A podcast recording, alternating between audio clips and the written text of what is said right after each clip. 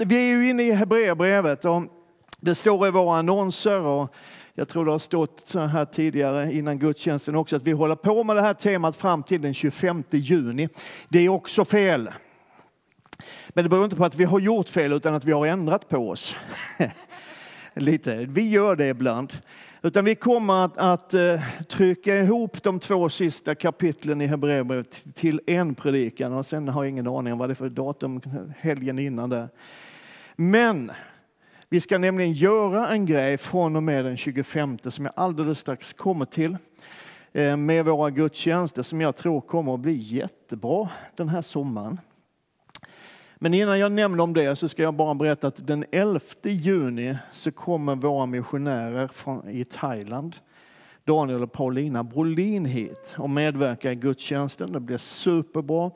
Du som känner och vet, de har flyttat ifrån eh, Bangkok. Församlingen finns kvar, de reser regelbundet dit och är med. Liksom och sådär. Men de har själva flyttat till Pattaya-distriktet, ett område där det bor eh, bra många människor, några miljoner människor där det finns i stort sett ingen kristen verksamhet alls.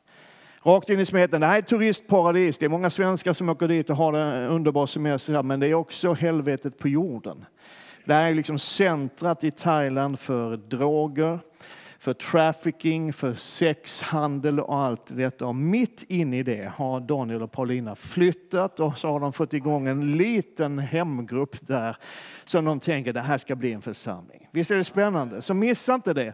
Sen har jag sagt att de får bara komma, för de, de hörde själva av sig och frågade, får vi komma den 11 juni? För då har vi kommit till Sverige och då skrev jag tillbaka, ni får komma under ett enda villkor att någon av er predikar över Hebreerbrevet 11 också. Det gör de, så det blir bra. Amen. Det vi tänker göra i sommar det är för det första då att vi flyttar gudstjänsttiden till klockan 18 i sommar. Det är hans förslag. Nej. Eh, och det, det vi skulle vilja göra och satsa på det är att bygga gemenskap, eh, att ha liksom en atmosfär. Vi, vi, är liksom, vi sänker ribban lite grann. Vi gör det jätteenkelt. En enkel gudstjänst med enkel lovsång, enkel förkunnelse. Och så bygger vi gemenskap. Så tanken är då att, att när vi har haft gudstjänst på sådär ungefär en timme så fortsätter vi ha gemenskap. Man tar med sig en fikakorg till gudstjänsten. Det blir väl bra? Och så tar man med sig så mycket så det räcker till någon mer än dig själv och dina närmaste. Så vi kan få, liksom, vi är ju experter, jag tror att vi är Sveriges bästa knytkalasförsamling.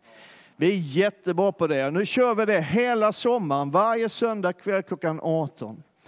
Och så har vi tänkt så här, vi hade lite idéer kring vad ska vi, vad ska vi predika, ska vi ha någon serie i sommar? Vi hade lite idéer kring det, så tänkte vi så här, nej men vi ska ha någonting som gör det enkelt och lätt och härligt och roligt och spännande att bjuda med sig någon som kanske inte brukar gå till kyrkan.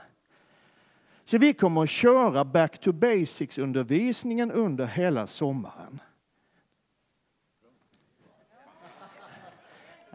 Det är jättebra. Och du, därför, och du kanske tänker så här, ja men jag har ju gått den redan, ska jag behöva höra det en gång till? Ja, det ska du sannoliken. För än har det inte fastnat. Jag känner en man som har gått fem, sex gånger på back to basics. Och än har det inte fastnat. jo, det har det nog. Men grejen är att det, det handlar ju inte bara om dig. Du kan känna, ja men de här första grunderna, de kan jag. Ja, det kanske du kan. Men det handlar inte bara om dig. Utan det finns någon i din närhet, kanske en granne, kanske en arbetskamrat, kanske en golfkompis eller vad det nu är man håller på med, vad du sysslar med. Så här, någon som faktiskt skulle må bra av att få en enkel undervisning om vad den kristna tron handlar om. Och då kan du ju offra en söndag och känna, ja det här kan jag redan. Kan jag också. Men jag håller den undervisningen med stor glädje för att den kan bli någon till hjälp. Amen. Visst blir det bra? Så det är från och med den 25 då för att vi ska hinna med de tio avsnitten av, av Back to Basics som liksom finns förberedda. Det här gör det också väldigt enkelt. Vi har tre söndagar där vi faktiskt inte har någon predikant, där, där våra semestrar krockar lite grann så här. Det finns färdiga manus. Man kan stå och läsa till. Så du som vill göra det kan ju höra av dig till mig eller till Aron eller Evelina. Så, där. Så, så kan du få predika en gång i sommar om du håller det som vi har skrivit. Nej, bara skoj. Okej, vi håller på med Hebreerbrevet. Eh, temat är som det står på, på skärmen här, det är större och det är bättre. Och du som har varit med och du som har läst Hebreerbrevet, du vet att Hebreerbrevet är liksom ganska mycket en jämförelse mellan det gamla förbundet, som var bra, men som byggde på lagar, som byggde på regler och som byggde på att, att du ser till att du håller dem. Och sedan då det nya förbundet som Jesus instiftade i samband med nattvarden, så säger han det här är någonting nytt, det nya förbundet. Som bygger på nåd, som bygger på Guds kärlek, som bygger på att vi faktiskt vet att vi inte kan, men han låter oss vara med i alla fall. Och så säger Hebreerbrevet gång på gång att det här är större, det här är bättre. Och så, och du kanske minns från den första predikan i den här serien, vi gjorde en liten översikt. Vi sa att det finns två huvuddelar i, i, i det här brevet, eller predikan, nedskrivna predikan som det nog är. Det börjar med att tala om att Jesus är Guds son och därför, eftersom han är Guds son, så är han större än änglarna och han är större än Mose och han är större än lagen.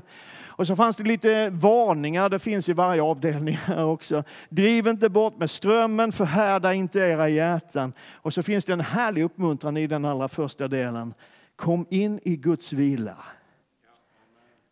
Och det är en vila som inte finns i den här världen. Att liksom vila i tryggheten. Jag tillhör Gud, jag är hans barn, han är med mig varje dag. Amen.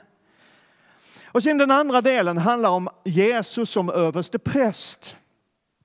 Att Jesus är vår präst, han är vår överste präst. Och eftersom han då dessutom är Guds son så är han ju i så fall större än alla andra präster. Och det offer som han har gett är bättre än alla andra offer som Bibeln talar om. Och så finns det lite varningar här också. Fall inte av, vänd inte tillbaka, säg inte nej till Gud. Och så finns det en härlig uppmuntran som vi ska komma till i slutet av predikan idag också, att Jesus är vårt hopp. Amen och håll ut i tro. I slutet av kapitel 4, nu vet jag inte exakt hur långt ni kom förra gången, men i slutet av kapitel 4 talar om Jesus som den fullkomlige överste prästen. Och här finns de här makalösa orden som du har hört mig citera ganska många gånger, som jag älskar. När vi nu har en stor överste präst som har stigit upp genom himlarna, Jesus Guds son, låt oss då hålla fast vid vår bekännelse.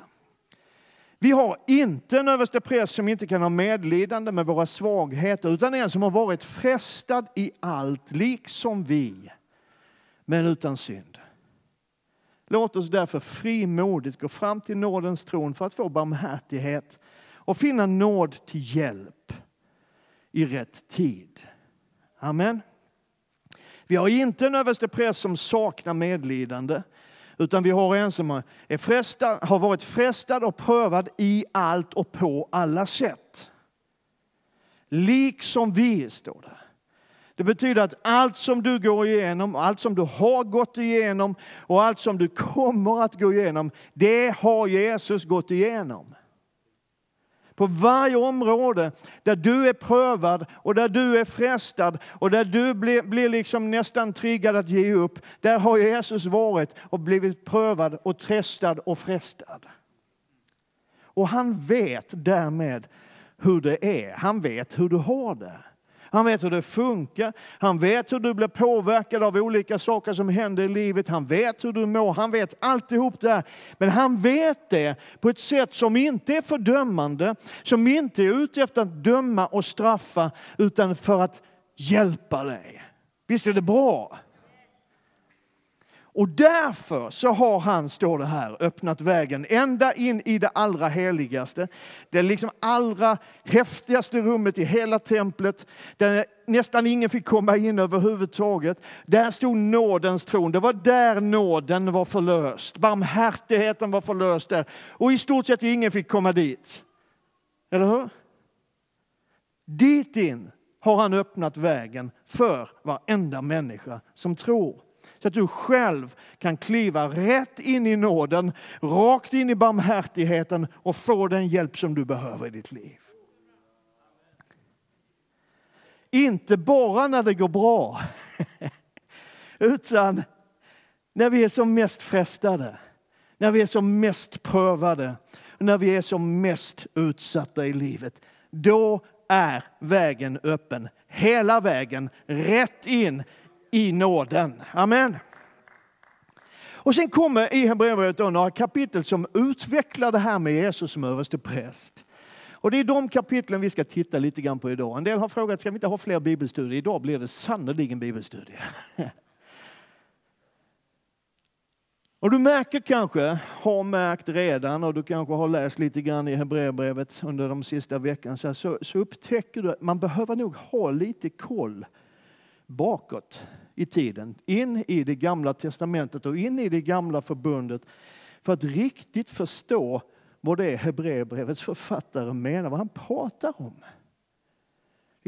Om man får höra att någonting är bättre, det här är bättre än det där, så är det rätt bra att veta vad det där är innan du... Så, du, ja. så vi ska ta en liten snabb vända tillbaka i tiden. När det judiska folket lämnade slaveriet i Egypten och gav sig ut på sin långa vandring så började de ganska snart att fira gudstjänst.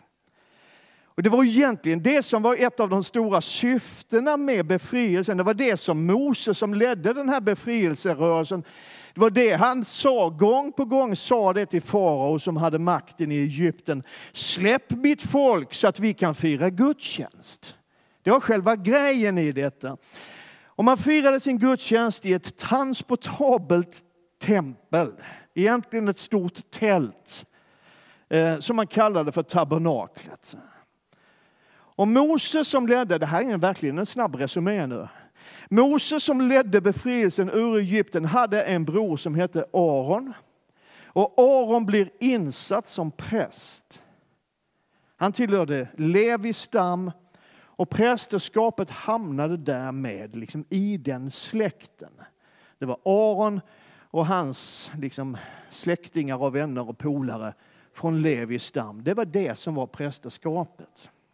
Och det följde sedan med in i löfteslandet. Man kommer in i, i Israel och liksom tar landet som Gud har lovat. Så fördelas det så småningom mellan de olika tolv stammarna som, som fanns i folket. Och alla fick varsitt landområde som skulle vara deras.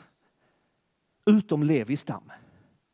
De fick inget landområde för de skulle vara präster och ingen annan fick vara präst, utan bara de som var från Levis stam. Och sen så fick då den här Levis stam, de hade det rätt bra i alla fall, för de fick tionde av alla de andra stammarna. Så att det ordnade sig nog för dem. Men liksom, de fick inget land, för deras arvdel liksom, det var prästtjänsten och att få göra tjänst inför Gud i templet. Och över alla de här prästerna så fanns det en ledare, överste prästen, superprästen framför andra präster. Liksom. Och det var han. Och det var bara han som fick gå in i det där allra innersta rummet, det häftigaste, coolaste rummet i templet. Det var bara han som fick gå dit in i det som kallas det allra heligaste. Och han fick bara gå dit en gång om året på den stora försoningsdagen. Då gick han dit in för att offra och få förlåtelse och försoning, både för sina egna och för folkets synder. Och sen när han hade gjort det han skulle göra där inne, så fick han vända tillbaka ut till det väntande folket och så fick han tala om för dem, det måste ha varit en häftig uppgift, gå ut och tala om för dem, era synder är förlåtna. Men det fanns enligt Hebreerbrevets författare, jag fattar vad han eller hon menar, en inbyggd svaghet i det systemet. Och det var det här, skriver han, för det var nog en han, att översteprästen själv var lika syndig som resten av folket. Det står så här i Hebreerbrevet 7 att han får liksom bära fram offer varje dag som de andra översteprästerna, först för sina egna synder och sedan för folket. Så det, det finns liksom någonting i det här som inte är hundraprocentigt. Det var inte bara ett problem. Det där med översteprästens svaghet. Hebreerbrevet beskriver det också som en styrka. Därför att det fanns någon sorts identifikation i det där. Han skriver Översteprästen kan ha medkänsla med de som är okunniga och vilsna eftersom han själv är svag och därför måste bära fram syndoffer både för folket och för sig själv. Men det medförde också att de här offren måste pågå ständigt, hela tiden. Mindre offer dag efter dag, efter dag, efter dag, efter dag, efter dag, efter dag. Och så en gång om året det här stora försoningsoffret. År efter år, år efter år. Och det finns en skillnad, och det är en stor skillnad när Hebreerbrevets författare talar om Jesus som överste präst. Vi har redan läst den texten, men den kommer här igen. Vi har inte en överste präst som inte kan ha medlidande med våra svagheter. Och där är det ju liksom likadant. Jesus har medlidande med våra svagheter, men inte därför att han själv är svag, utan därför att han är en som har varit frestad i allt, liksom vi, men utan synd. Och när författaren sedan skriver de här tre kapitlen, kapitel 57 i Hebreerbrevet som vi jobbar med idag, så har han fört ett ganska långt resonemang kring det här med Jesus som överstepräst. Och sen säger han så här, det var en sån överstepräst som vi behövde. En som är helig, oskyldig, obefläckad, skild från syndare och upphöjd över himlarna. Han måste inte bära fram offer varje dag som de andra överste prästerna. Först för sina egna synder och sedan för folkets.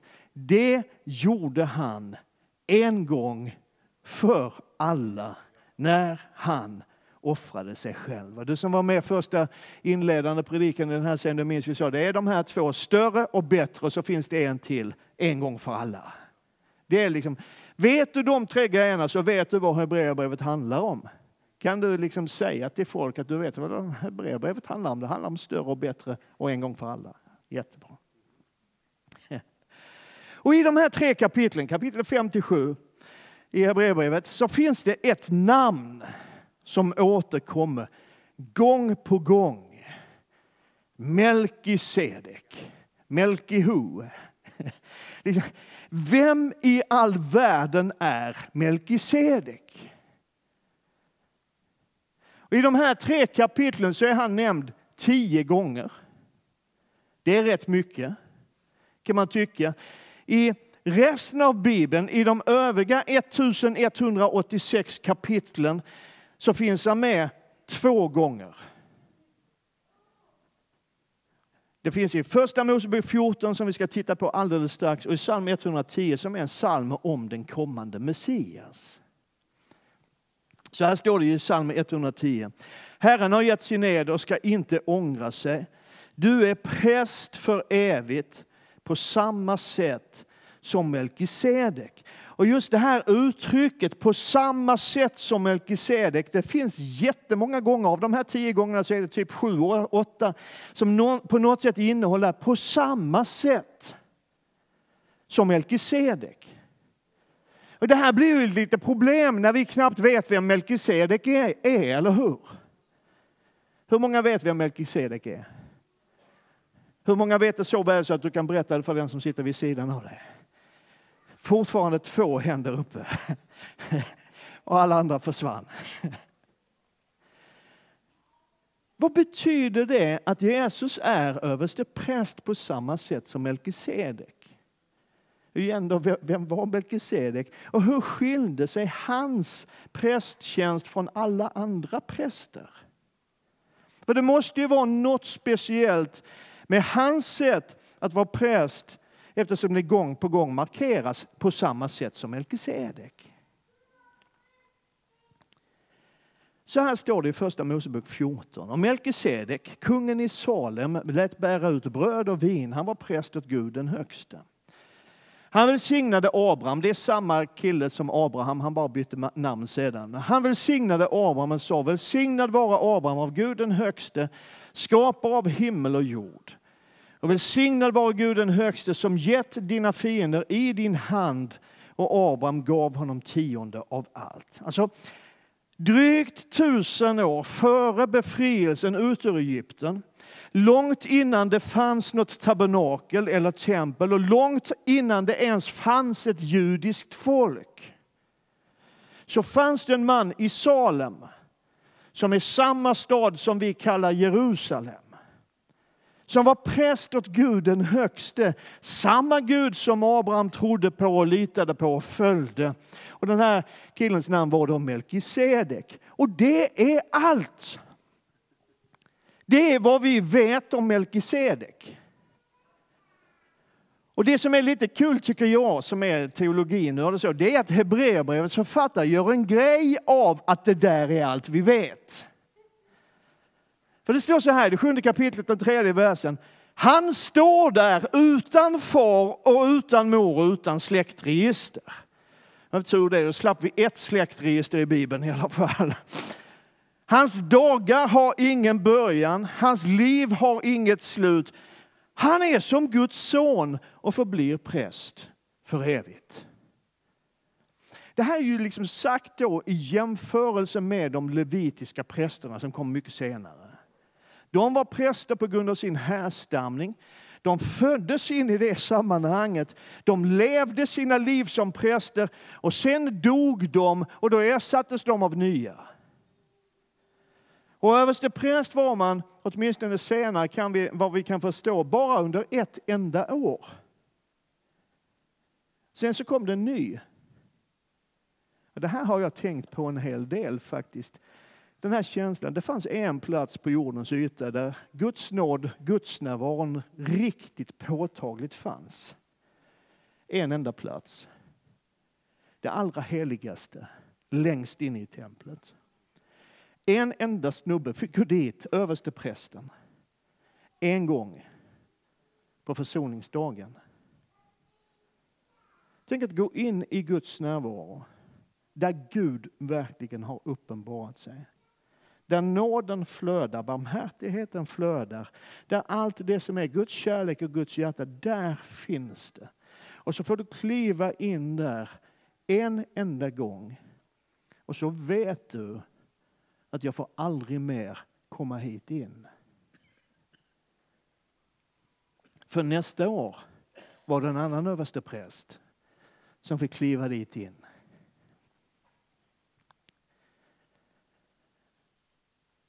Men Melkisedek har liksom ingen början, han har inget slut. Han bara dyker upp där. Precis som Jesus inte har någon början. Han har alltid funnits. Och han har inget slut, för han kommer alltid att finnas. Han är av evighet till evighet. Och det där stämmer ju naturligtvis inte. Även om, om Hebreerbrevets författare skriver så, så stämmer det ju troligen inte riktigt på Melkisedek. Högst troligt är att han föddes och att han dog. Det är bara att vi inte vet när och hur och så där. Men det här är ju liksom en bild för att visa oss någonting som är viktigt. Att Jesus Kristus, Guds son och vår överste präst är den han är från evighet till evighet. Och det kommer aldrig någonsin att förändras. Sen finns det en grej till. I Israel så skulle prästerna vara av Levis stam. Det var inte Melkisedek. För den stammen fanns inte ens när han levde. Och grejen är att det var inte Jesus heller. Det är tydligt, står det i 7.14, det är tydligt att vår Herre har kommit ur judastam.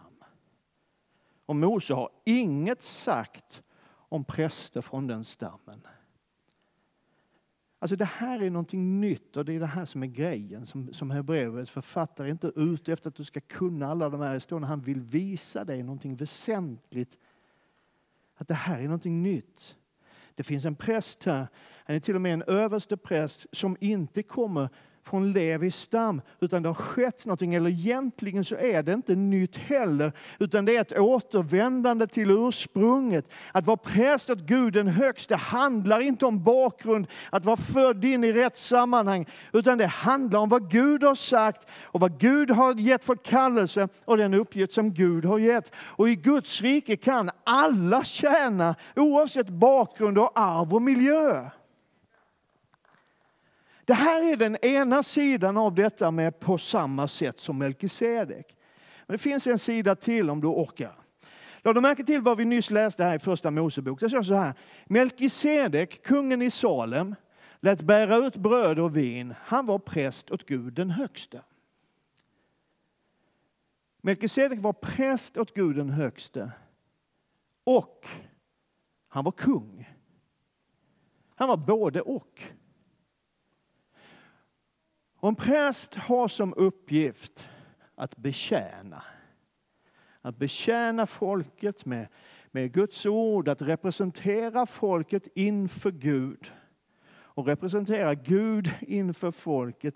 Men att betjäna folket, att ge folket det som behövs för att de ska kunna uppleva syndernas förlåtelse, för att de ska kunna liksom uppleva att det finns en Gud som lyssnar på dem. Det är en det är en betjänande tjänst, det är ett betjänande uppdrag som prästen har. En kung regerar. Ja, inte vår kung, men, men liksom du fattar tanken. Och lyssna nu. De två i kombination kan bara fungera om hjärtat är rätt. Eller hur? Alltså Melkisedek är den första prästen som omnämns i Bibeln. Han var både präst och kung. Och man kan anta någonstans att det där är ju säkert originaltanken. Det är så Gud egentligen vill att det ska vara. Att den som betjänar är den som råder. Och att den som råder och regerar också är den som betjänar. Är du med? Men när judarna långt senare blev ett folk, när lagen gavs och det levitiska prästerskapet insattes och när de så småningom så fick en kung, då var det jättenoga att man inte skulle blanda de två uppgifterna. En levit kunde inte bli kung. Och en kung fick absolut inte tjänstgöra som präst. Det finns många berättelser i Gamla testamentet om hur illa det gick för de kungar som blandade sig i tempeltjänsten och de prästerliga göromålen. Varför? Jag tror det är därför att prästerna skulle inte råda över folket, de skulle betjäna folket. Och kungens makt skulle begränsas. Den skulle inte innefatta människors andliga längtan och andliga behov. Vi har sett genom historien hur sjukt det kan bli när de som är satta att betjäna skaffar sig makt och herravälde över de troende. Och åt andra hållet också när kungar och de som har makt har använt religionen och kyrkan för att hålla människor ett järngrepp. Man kan förstå att man ville skilja på detta.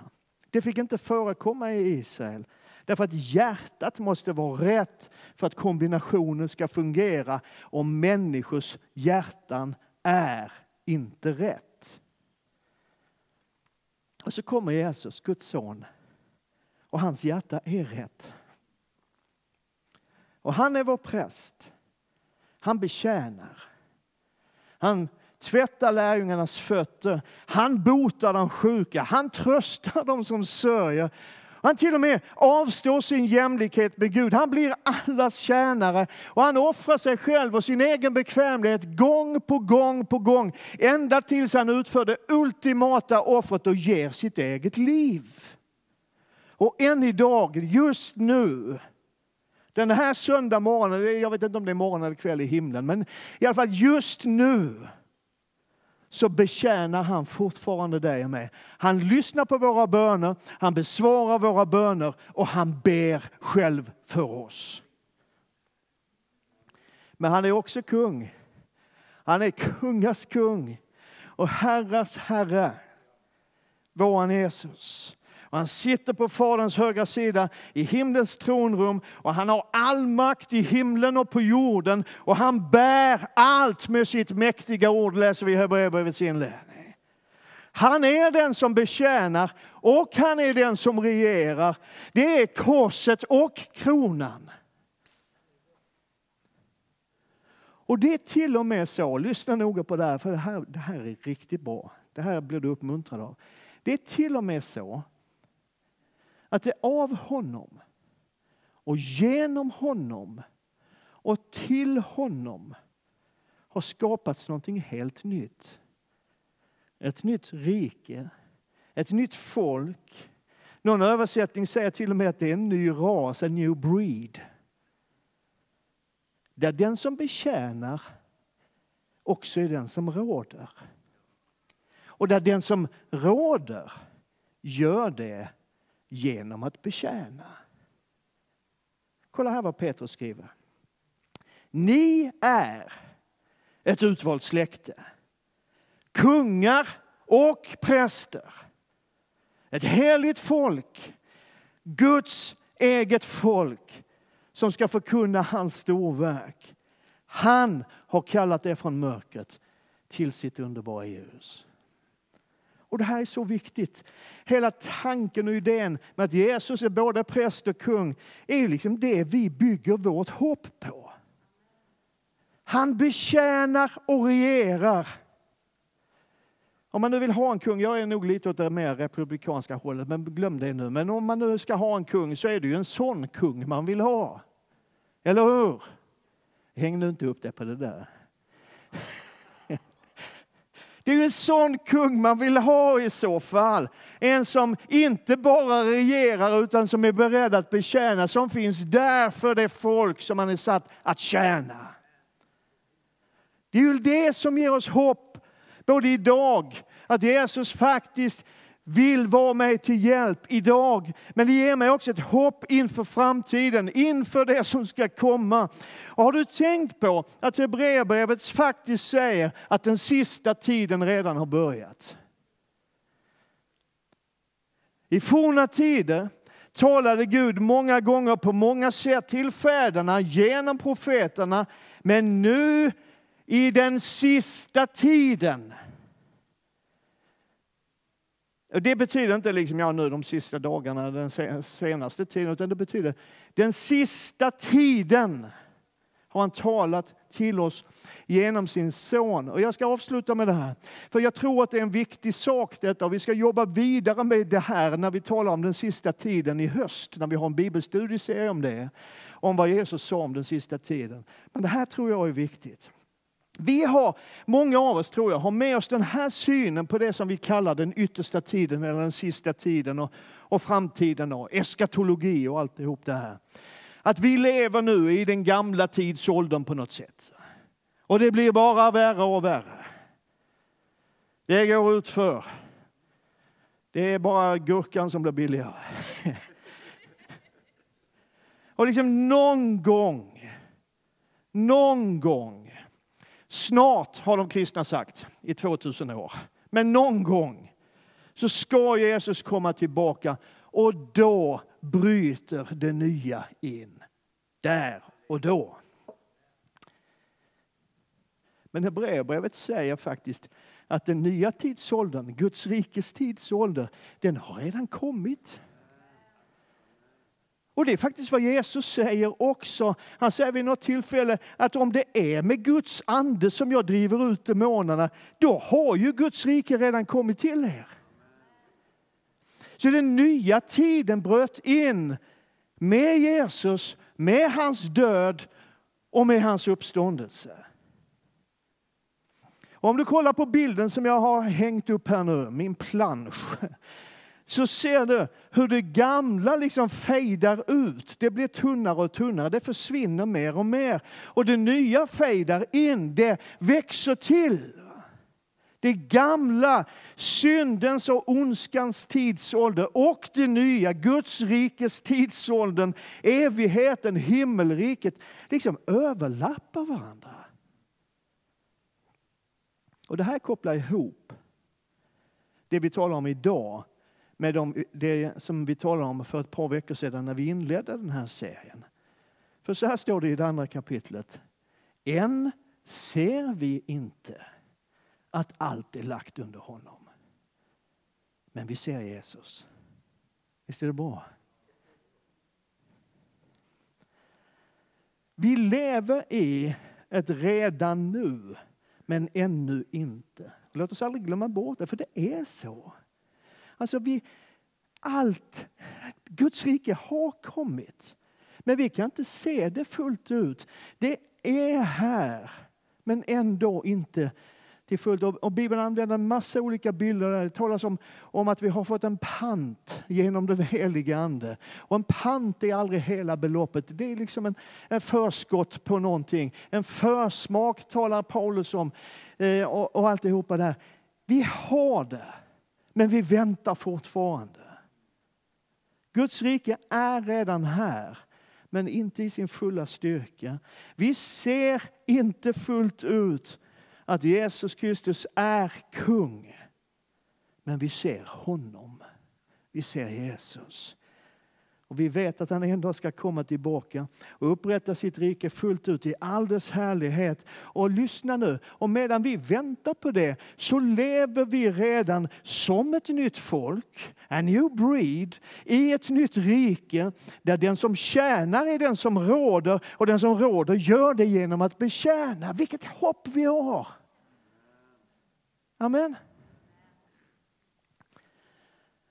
Vi har sökt vår tillflykt i att hålla fast vid det hopp vi har framför oss. Detta hopp har vi som ett tryggt och säkert själens ankare som når innanför förhänget. Det var det här draperiet som var i vägen i det allra heligaste, det coolaste och häftigaste rummet där Guds närvaron var. Men det här hoppet det når ända in och liksom över och under. Dessutom så försvann ju den när Jesus dog. Dit Jesus gick in och öppnade vägen för oss. Sug på den meningen bara ett litet ögonblick. Dit Jesus gick in och öppnade vägen för oss. Vart då?